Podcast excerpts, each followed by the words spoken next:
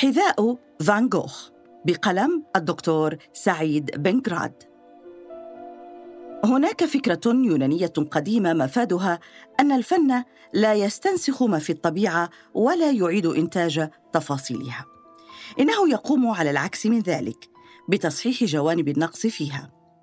وهي الفكرة ذاتها التي أشاعها كاندينسكي وضمنها تصوره لحقيقة الفن ووظيفته. فالطبيعة لا تتسرب إلى العمل الفني من خلال مظاهرها. إنها تكشف عن نفسها من خلال إيقاعات الألوان والأشكال فيها. استنادا إلى هذا كان التخيل نشاطا أكثر أصالة من المحاكاة. فهذه لا تمثل سوى ما يرى. أما التخيل فيقوم بتمثيل ما لا يرى. فيلوسترات. وذلك هو جوهر الإبداع الفني. إنه سبيل نحو حقيقة جديدة لا تستقيم إلا بتخليص المحيط من نفعيته وتحويله إلى موضوع جمالي يستمد قيمته من ذاته لا من استعمالاته. بعبارة أخرى إن الفنان يستنبت في الوجود روحا جميلة قد تكون مستوحاة من الجمال الطبيعي ولكنها تقدم للعين جمالا لا يكون كذلك إلا في العمل الفني. إن طريقنا الجميل يمر عبر الاحتفاء بالحقيقة فهي مصدر انفتاح الموجود على العالم كما يقول هايدجر. ففي هذه الروح يثوي الجمال وينمو ويكبر لينتشر بعد ذلك في الكائنات والأشياء الجميلة كما تتحقق في كل الأعمال الفنية. يتعلق الأمر بالارتقاء بالجمال من مجرد تمثيل لأشياء موجودة في العالم الخارجي إلى ما يمكن أن يعبر عن داخل. تستوطنه صور ليست مستوحاة دائما مما يمكن استعارته من محيط طبيعي صامت. وذلك ما أكده روسو أيضا وهو يتحدث عن الأصول الأولى للغة. فأشياء كثيرة يمكن أن تكون جميلة في ذاتها كما هو الشأن مع الجمال في صوت معزول ولكن جمال الموسيقى لا يتحقق بالجمع بين كل تلك الأصوات الجميلة. إن جمالها يعود إلى نشاط آخر مصدره الملحن. إن جمال الأصوات من الطبيعة وتأثيرها تأثير خارجي فجميع الناس قادرون على التمتع بهذه الأصوات. أما الصوت الموسيقي فمصدره شيء آخر ذلك أن اللحن لا يؤثر فينا من خلال طابعه الصوتي بل يفعل ذلك عندما يتحول إلى علامات لانفعالاتنا وأحاسيسنا. وبهذه الطريقة نهتز له ونتعرف عليه.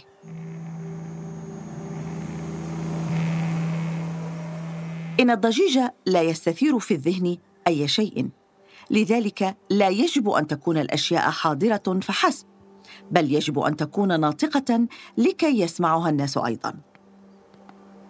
تلك هي حكاية حذاء فان جوخ الذي يتحدث عنه هايدغر وهو يسائل الهوية الشيئية للشيء بحثا عن أصل العمل الفني فحقيقته ليست مستقاة من خصائصه. وليست أيضا حاصل ما يحيط بنواته من مظاهر حسية. وهي أيضا ليست جزءا من مادة تجليها الأشكال.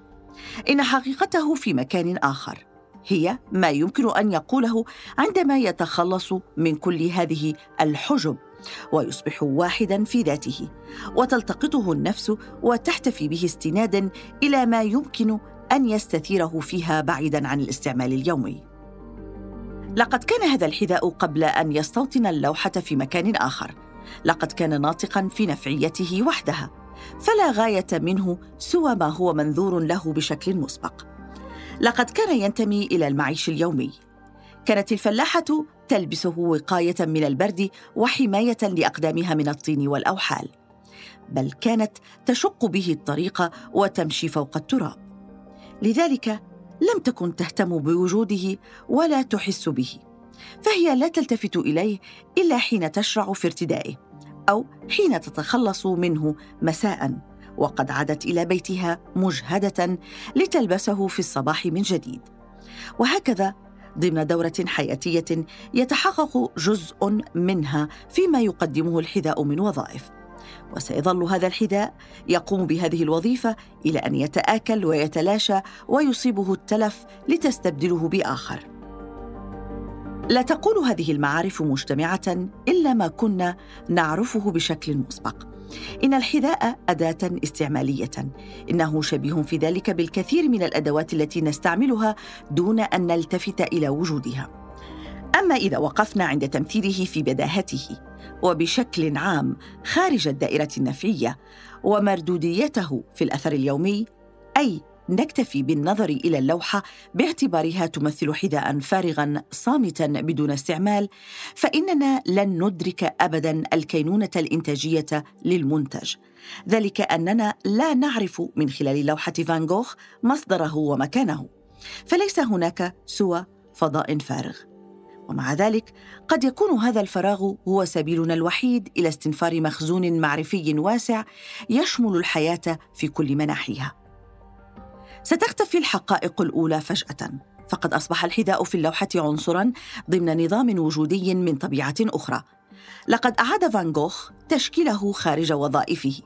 لقد خلصه من نفعيته وقذف به داخل عالم يعود من خلاله إلى نفسه.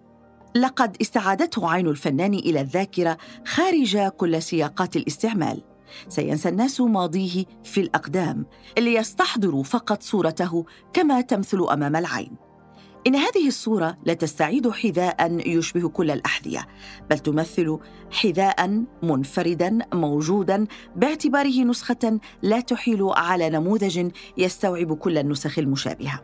لذلك كان الموضوع في الصورة دائما مفردا. لقد فصلته اللوحة عن محيطه ووظيفته وعن أقدام الفلاحة أيضا لكي يحضر أمام العين باعتباره هو في ذاته في انفصال عما كان يراد منه لحظة تصنيعه. حينها تبدأ سيرورة جديدة من خلالها سيتخذ مضمونا جديدا يتعلق الأمر بسلسلة من الأحاسيس التي يعتقد هايدغر أنها تشكل حقيقة الحذاء في وضعه الجديد أي باعتباره موضوعا فنيا لا باعتباره مجرد أداة نفعية.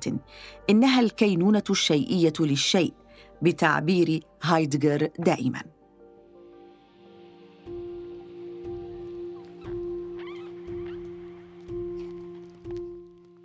سنطل من خلال هذا الحذاء على حقائق أخرى. قد لا تقول عنها نفعية الحذاء الواقعي أي شيء. ففي جوف هذا الحذاء تختفي حميمية من نوع خاص إنها تحيل على جهد الفلاحة وتعبها وفي ثقله وخشونته يرتسم كدها وتعبها وإصرارها على الاستمرار في الحياة وهي تشق الحقول كل يوم. وهناك في جلده بقايا من العرق والأوساخ. وفي خيوطه نتلمس وحشة الطريق وامتدادها في البادية عندما يحل المساء. وهناك أشياء أخرى. هناك النداء الصامت للأرض بكل خيراتها. وهناك القلق من فقدان رغيف العيش. وفيه الفرح الصامت من النجاح في إشباع كل الحاجات. وفيه أيضا قلق الولادة والخوف من الموت. إن المنتج ينتمي من خلال كل ذلك إلى الأرض إنه في حماية عالم الفلاحة ففيه يستريح مكتفيا بنفسه. لا وجود لهذه الحقائق مجتمعة في نفعية الحذاء وفي أقدام الفلاحة. إن لوحة وحدها قادرة على بعثها وجعلها الحقيقة الوحيدة للحذاء. لقد أصبح ناطقا في الأحاسيس التي يمكن أن تستخلصها العين من لحظة تواجد خارجي كما يوحي به الحذاء. لقد اختفت النفعية فيه وحضر تاريخ الفلاحة وتاريخ الأرض تعبها وكدها وشقاءها والسنابل التي رعتها والحبوب التي جمعتها. ستظهر هذه العناصر فجأة في الحذاء عندما ينفصل عن وظيفته ومحيطه. لقد امتلك حياة جديدة في اللوحة. لقد خلصه فان جوخ من استعماليته المتمثلة في مادة مصنوعة وموجهة إلى غاية بعينها. لكي يحوله إلى أثر في الفن تستحضر من خلاله العين حقيقة أخرى غير حقيقة النفع فيه. فكيف حصل ذلك؟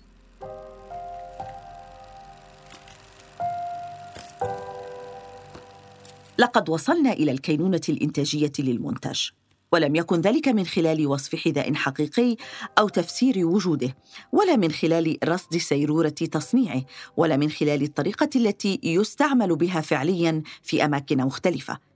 إننا في واقع الأمر لم نقم سوى بأن أسلمنا قيادنا للوحة فان جوخ وهي التي تكلمت وألقت بنا إلى مكان آخر غير ذاك الذي تعودنا أن نكون فيه. ففي غياب اللوحة لم يكن لكينونة الأداة أن تظهر فما تكشفه عنه اللوحه هو حقيقة أخرى غطى الاستعمال على ما هو فني فيه الشيء عندما كان محددا من خارجه أي استنادا إلى خصائص هي التي كانت تحرمنا من تحديد كنهه. وهي صيغة أخرى للقول إن الفن وثيق الصلة بالحقيقة ومصدر من مصادرها. ذلك أن كل ملفوظ فني يسلمنا رسالة ما يشبه الهزة العنيفة المرتبطة بمعرفتنا. إن الأمر يتعلق باندهاش وقد يكون رعبا مما حدث للإنسان وما وصل إليه. فلا يحيل العمل الفني على الجميل فحسب كما هو الشأن في الجماليات بل يحيل على حقيقة قصة هي قصة الفلاحة مع الأرض في هذا الحذاء وقصة الإنسان مع قدره في الحياة. وذلك ما يميز الحفري عن الهرموسي كما يؤكد ذلك جادامير وهو أحد تلامذة هايدجر يبحث الأول في اللقى عن زمنية أصلية قد تقربه من البداية. بداية الكون ولحظاته الأولى استنادا إلى معطيات العلم وإكراهاته. أما الهرمسي فيبحث في هذه اللقى ذاتها عن الحقيقة كما تبلورت في تلك المرحلة استنادا إلى الفهم وبذلك يوسع من فهمه لذاته وللآخرين وللمرحلة التي يعيش فيها. إن الحفري يستنطق مادة ميتة أما الهرمسي فيبحث عن بقايا المعنى في اللقى والنصوص.